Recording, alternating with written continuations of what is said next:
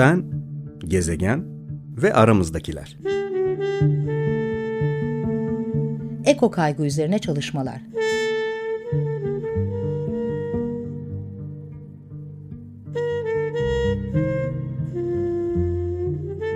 Hazırlayan ve sunan Elif Gül Şahin. Herkese merhaba. 95.0 Açık Radyo'dasınız. Ben Gezegen ve Aramızdakilerin bu haftaki konusu iklim değişikliği anksiyetesini tecrübelerimiz üzerinden konuşmak olacak. Bu hafta bir konuğum var. İren merhaba, hoş geldin. Hoş buldum. İren, İren Bıçakçı, 30 yaşında, iç mimar, İstanbul'da yaşıyor. İren'le beraber çalışıyoruz aslında Hrant Dink Vakfı'nda. İren arşiv projesinde çalışıyor. 2019-2020 yılları arasında oldukça aktif olarak iklim aktivistliği yaptığını biliyorum. Şimdilik bu kadar tanıtmış olayım seni. Sen zaten biz sohbet ederken de arada kendinle ilgili e, bir şeyler söylersin diye umuyorum. İren aslında bugün bu programı seninle yapmak istememin sebeplerinden bir tanesi de bu ekoloji, iklim alanında seninle sohbet ediyor oluşumuz ve e, aslında programı takip ettiğinde biliyor oluşu. e, hem bu alanda uzunca süre var olmuş biri olduğun için soruyorum aslında. Bu iki programı dinledin. Eko kaygı üzerine konuştuğumuz son iki Hı-hı. programı. Ee, kendinle ya da yaşantınla bağdaştır, bağdaştırdığın yerler oldu mu? Kesinlikle. E, hatta e, ben bu anksiyete kelimesiyle e, aktivizme başladığım zaman tanıştım. Herkeste bir ekoanksiyete e, kelimesi tırnak içinde böyle bir e, geçiyordu ve ben dedim herhalde bende yok bu olsa hissederim falan gibi düşünüyordum. Ama senin programı dinlerken bu Yalom'un varoluşsal endişeleri dört maddenin de aslında e, bende karşılık bulduğunu gördüm. Demek ki bende de varmış e, diye tanımlayabildim. Örnek vermem gerekirse e, aslında hepsi vardı. Mesela senin anlattığın araba e, hikayesine benzer bir hikayem vardı benim de. Normalde toplu taşıma hep kullanırım, çok da severim. E, ama işte araba kullanmak da e, lazım olur. ihtiyaç bir yerde biliyor olmaktan yola çıkarak direksiyon e, çalışması yapıyorduk babamla. Böyle boş bir araziye gitmiştik. Ya bir saat belki sürdüm sürmedim arabayı ve hiçbir şey odaklanamıyordum. Tek düşündüğüm şey şu an harcadığım benzin. Yani başka hiçbir şeye odaklanamıyordum ve inanılmaz bir suçluluk hissediyordum. Ve yaptığım şeye de kendimi veremiyordum. Zaten şey oluyordu. Geçen arabanın arabayı görürken insanların elinde kullandıkları e, pet şişeleri görürken vesaire böyle sürekli algı algılarım bunlara yönelikti. Teşekkürler İren bu e, paylaşımın için. Aslında çok güzel de bir yere değindin. Ee, o odak noktası zihinde o kadar o kadar o kadar çok büyüyor ki gerçek deneyimden insan kopuyor ve aslında büyüdükçe o daha da büyük bir felaket senaryosuna dönüşüyor. Yani her an tehlikede olmak, şu an benzin yakıyor bu araba ve dünya yok oluyor gibi bir şey ve aslında çok büyük bir sorumluluk duygusu da Evet kesinlikle getiriyor. öyleydi ve bu hayatının birinci önceliği ve belki hayatımın bütünü yapmamdan da kaynaklı olarak çok büyük bir yabancılaşma e, yaşıyordum. Başka hiçbir konunun e, bir önemi yok gibi geliyordu ve e, az zaman kaldığın kalmasının verdiği böyle bir panikle de her şeyi çok fuzulü ya da böyle belki birinci planda olması gereken şeyler bile iki hatta üç, dört, beşinci sıralarda yer alıyordu. O nedenle aslında hayatın pek çok şeyini kaçırıyordum belki de. Arkadaşlarımla yani birlikte aktivizm yaptığım arkadaşlarım dışındaki arkadaşlarımla sosyalleşmekte inanılmaz zorlanıyordum. Bütün konulardan o kadar uzaklaşmışım ki e, geri dönmeye çalıştığımda uzun bir süre geri dönemedim. Yani dahil olamıyordum sohbetlere. O kadar kopmuştum. Farklı bir sanki dünyadaydım gibi e, şu an bakınca görüyorum. E, bu bir şeyleri kaçırıyor olmak, kapı kapanıyor metaforu ya da sendromu deniyor. Ona popüler psikolojide e, şey gibi aslında yani kapı kapanıyor ve hemen bir şey yapmam lazım e, bu da aslında deneyimi de dürtüsel yani davranışı da dürtüselleştiriyor. Biraz şey üzerinden e, örneklendiriyorlar bunu. E, diyelim ki şu an hayatınızın bir döneminde kesinlikle evlenmek istiyorsunuz ve evlenmeniz gerektiğine eminsiniz. E, ne kadar geç kalırsanız bu durum imkansızlaşacak yani kapı kapanıyor bu zaman aralığını kaçırırsanız bir daha hayatınız boyunca evlenemeyecekmişsiniz gibi geliyor. Tabii ki böyle bir şey mümkün değil çünkü hayat akmaya devam ediyor. Ee, işte o kapı kapanmadan oradan geçmek için aslında pek de düşünmeden aceleyle e, fazlaca tepki verip e, hareket edebiliyoruz. Bir şeyleri kaçırma ile ilgili de bir kaygı aslında. Şimdi sen söyleyince fark ettim ben de. Kesinlikle. Bu şimdi değilse ne zaman sen değilsen kim şimdi değilse ne zaman sloganı mesela beni çok e, harekete geçiren, dürtükleyen bir e, slogan olmuştu ve buna e, yani yapmamadı, yapmadıklarımızdan da sorumlu olmanın verdiği bir e, büyük bir kaygı yaşıyordum. Şeyi hatırlıyorum. Biz 20 Eylül'ü e, işte küresel iklim grev e, günüydü. E, İstanbul'da Kadıköy'de de bir e, festival organizasyonu yapmıştık ve gerçekten belki de e, aylarca e, çalışmıştık ve 7-24 zamanımı buna ayırdım diyebilirim. İnanılmaz bir e, çalışma göstermiştik arkadaşlarımla. Ertesi günde hani bu kadar çok çalışmamızın bizde yarattığı çeşitli sorunlar olabileceğini düşünerek de bir meditasyon randevusu almıştık. Hep birlikte meditasyona gitmiştik. Ee, ama ben meditasyonda bile kafamdan sürekli şunu düşünüyordum. Ee, şunu şöyle yapsaydım daha çok kişiye ulaşabilir miydim? Şunu şöyle değil de şöyle yapsaydık e, daha etkili olabilir miydi? Sürekli hala kendimi e, eleştirme e, ve e, hataları görme üzerinden kendime bakıyordum. Halbuki orada e, pek çok başardığımız e, şeyler de vardı. E, ama onları düşünmeyip hep eksiklere e, odaklanıyordum ve bu beni aslında çok kötü etkiliyordu. Ben daha sonra artık çok yorulduğumu yani hadi yorulmak bile bana basit kalıyordu. Devam ettiremiyordum hayatımı. Öyle bir noktaya gelmiştim ve kendimi kendime teşekkür etmekte, kendimi takdir etmekte çok eksik olduğumu gördüm. Bir çeşit aktivizm aktivist tükenmişliği diyebilir miyiz bu yaşadığın duruma?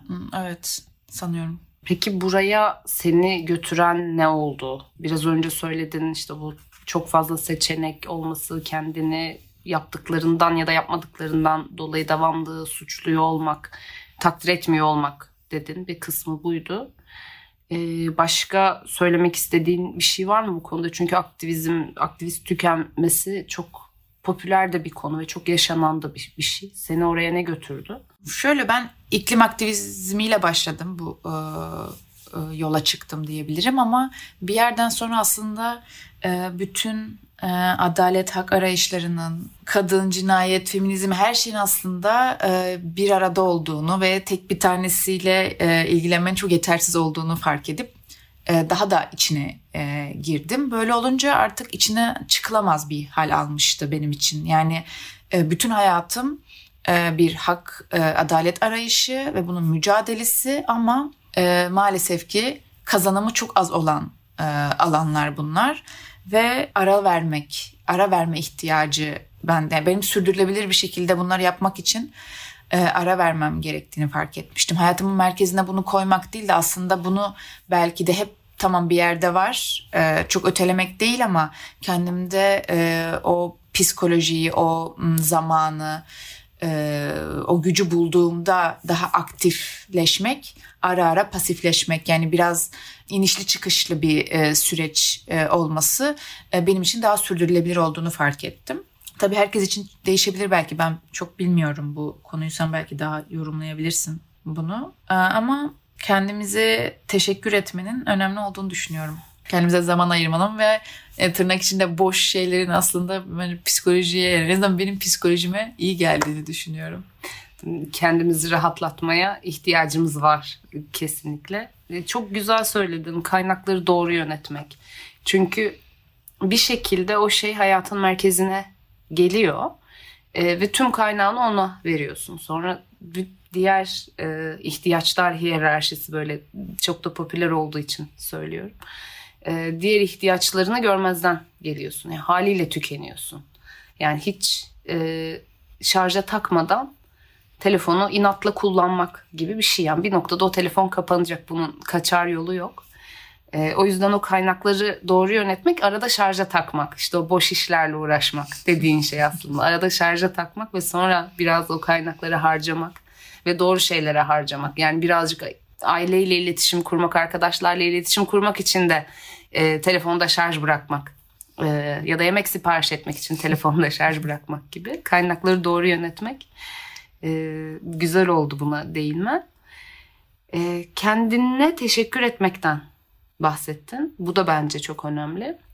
Çünkü bir şey yapıyoruz burada ve takdiri kesinlikle hak ediyoruz. Ee, başka peki başka neler önerirsin bu durum arttığında kendini daha kaygılı, daha yorgun hissettiğinde neler yaptın? Ya da neler yapılabilirdi şimdi geriye dönüp baktığında sence? Benim en çok tetiklendiğim zamanlar raporların yayınlandığı zamanlar oluyordu. Raporları okuduğumuzda e, okuduğumda yani bahsedilen korkunç gelecek karşısında yapmamız gerekenler var ve şu an olduğumuz noktaya bakınca uçurum var. E, bu uçurum ve her geçen raporda daha da e, artan bir e, uçurumdan bahsediyoruz. Bu beni çok kaygılandırıyor. Raporlar bir de daha bilimsel bir, e, bir yerden ele alınca gerçekten benim kaygımın en çok e, yükseldiği zamanların bu dönemler olduğunu e, görerek artık galiba raporları pek incelemiyorum. Üstten birkaç kişi böyle işte bununla ilgili biraz e, köşe yazısı vesaire yazıyorsa onlara biraz bakıyorum ama onlara bile çok uzaktan bakamıyorum. Biraz uzaklaşmak, e, derinle inmemek e, galiba benim biraz kaçmak çözüm oldu kendim için diyebilirim. Doğru mu bilmiyorum ama kendimi korumak için böyle bir sonuç elde ettim. Bir de kendini merkeze koymak diyebilirim.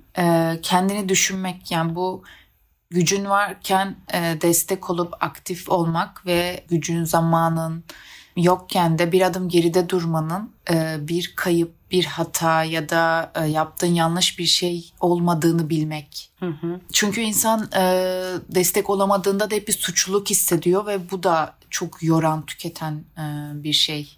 En azından benim için. Evet, bir de başta da söylemiştin yani bütün o hayatımın merkezine geldiğini ve neredeyse yüzde yüzünü kapladığıyla ilgili. Başta söylediğin şeye o e, biraz uzaklaşmak, raporları takip etmemek e, dedin. Aslında bunun bir karşılığı da var psikolojide. Bir tedavi biçimi olarak özellikle OKB ve anksiyete tedavisinde kullanılan davranışçı bir metot bu. E, engellemek ya da e, ertelemek o kaygı veren davranışı. Örneğin kişi devamlı ellerini yıkamak istiyorsa bu işte onu çok yıka, yıkamadığında çok kaygılı e, hissediyor ama devamlı ellerini yıkamak istiyor. E, orada o davranışı el yıkama davranışını birazcık ertelemek. Yani bu yüzden bakmamak bence doğru bir yöntem olmuş. Bazen insanlar şöyle düşünüyor olabiliyor yine o kapı kapanıyor metaforundan. Bakmam lazım. Öğrenmem lazım ne olduğunu. Ona göre bir hareket alacağım. Ama hayır aslında bakmayınca o kadar zihnimizdeki kadar büyük ve kötü şeyler de olmuyor. E, olmayacak da. O yüzden onu ertelemek eğer size kötü geliyorsa bunu yapmamak. Çünkü bir yandan aktivizme devam edebilmek için de kendinizi düşünmek zorundasınız. Yoksa hiçbir şey yapamazsınız. Yine o söylediğin gibi kendini merkeze almak. Çünkü aslında kendi iyilik halimizden de biz sorumluyuz. Ee, kendi iyiliğimizi devam ettirmekten de biz sorumluyuz. O yüzden bu bunun sorumluluğuyla arada bir bakmamayı da e, tercih edebilmeliyiz. E, o yüzden teşekkür ederim. Bence güzel bir öneri oldu. Dinleyenler için de umarım bir yerlere temas etmiştir. Bu uzaklaşmalarında ama bir e, yargıyla da karşılaşılabiliyor. E, mesela rapor okumadın mı, görmedin mi, bakmadın mı gibi e, bunları e, yapmadığında e, sen nasıl e, işte iklim aktivistisin, nasıl aktivistsin, nasıl takip ediyorsun gibi böyle bir e, yargıyla karşılaşıyorsun zaman zaman. Yani pek çok kişinin başına gelmiştir diye düşünüyorum. E, ben de çeşitli konularda böyle hem sosyal medyadan hem şeyden çok tepki e, almıştım ve e, çok yaralıyor. E, zaten kişi kendisi bakmadığı için ya da o, şeyi yapmadığı için ya da belki de bir şey yaptığı için kendisi için de zaten bir vicdan muhasebesi oluyor. Ee, bir de dışarıdan insanlar o kadar çok rahat e, yazıp konuşabiliyor ki bu da çok etkiliyordu o zaman. Şu an o kadar etkilenmem diye düşünüyorum. E, ama bazen kırıcı olabiliyor. Bir de artık yani gerçekten sosyal medyada bir linç kültürü içinde de yaşıyoruz. O yüzden daha zarar verebilir bir alan ve daha zarar görülebilir o açıklığı da sağlıyor maalesef. Tabii burada şeye de kesin değinmek gerekiyor. Hem eko kaygı için bu büyük çerçevede hem de genel olarak iklim değişikliği ve psikolojiyi düşününce çok öfke de önemli bir bir yerde. E, o yüzden çok yakınımızdan biri aslında bize bakmadığımız için ya da işte pipet kullandığımız için bile öfkelene biliyor. Çünkü o kaygı aslında öfkeyi de e, tetikliyor ama bu çok karşı tarafa zarar veren bir şeye dönüşüyor. O yüzden eğer kendi içimizde varsa öfke başkalarına yöneltilebilecek yani burada aslında senin tarafından dinledik ama bir de gerçekten öfkeli olan taraflar da dinliyor olabilir. E, bu öfkeyi eğer fark edersek bunu dönüştürmek e, çünkü zarar verici bir şey bu. E, iyi bir şey o, olmuyor yani son, sonuç olarak. O öfkeyi dönüştürmeye yönelik bir şeyler yapmak da e, önemli. Çünkü hem kırıcı oluyor karşı taraf için hem de zaten o gerilim içerisinde kişi iyice çekebiliyor. Ve yani aslında yalnız hisset diyorsun bir noktada yani. O bir şeyin içindesin, bir grubun içindesin ama o grubun içinde de e, o kadar güvenli değilmişsin gibi bir hisle sonuçlanabilir gibi geldi. Bilmiyorum sen ne düşünürsün? Ya grubumun içinde ben e, yaşamadığım için tam yani bu, hmm. e, örneği yaşamadığım için belki de şanslıydım bilmiyorum. Yaşayanlar olabilir. Ama sen e, yalnız hissetme deyince aklıma başka bir e, şey geldi. Ben hı hı. yani kaygılandığım, e, benim hayatımın merkezine koyduğum ve aslında bu sadece benle ilgili değil, herkesi ilgilendiren bu kadar önemli büyük bir konu varken e, bu konunun tırnak içinde yani kimsenin çok da umrunda olmam, olmaması e, bu çok yalnız hissettiren bir e, bir şeydi benim için. Buradan çok hayal kırıklığına uğradığımı, çok e, üzüldüğümü hatırlıyorum. Hala da aslında devam ediyor. Çünkü bu zaten bu ekolojik tırnak içinde bir popülerlik e, popülerliğe dönüştü ve bütün artık gördüğümüz etkinlikler, bütün olaylar bir yerden böyle e, yeşil, ekolojik, e, şöyle duyarlı, şöyle çevreci gibi aslında çok büyük çoğunluğu da greenwashing olan şeylere dönüştü. Ve hepsi yine de hep şirketlerin kendi ticari gelirlerini arttırmaya yönelik politikalar. Yani bunu görmek senin ciddi bir şekilde kaygılanırken sen işte senin için ciddi bir e, konuyken onlar için aslında bir e, şu an bir reklam aracı gibi olması çok yalnız ve çok e, kır, kır, çok kırıldığım e, e, bir şeydi. Şu an o kadar kırılmak değil ama bana da şu an e, boş ya da böyle e, şey geliyor. Bir şey çok yeşil, ekolojik gibi ön plana çıktığı zaman ve zaten şöyle ufacık baksak e, görebiliyoruz çoğunlukla bunların yalan olduğunu. O yüzden hiç ekolojik olduğunu söylemeyince bana daha dürüst ve samimi geliyor galiba. Artık öyle e, bir algı oluştu bende. Anlamını yitirmiş gibi biraz aslında. Kesinlikle, kesinlikle evet. Çok teşekkür ederim İren. Bugün konuk olduğun, deneyimini paylaştığın ben için. teşekkür ederim. Çok keyifliydi. Benim için de çok keyifliydi. Programı kapatmadan önce söylemek istediğin bir şey var mı?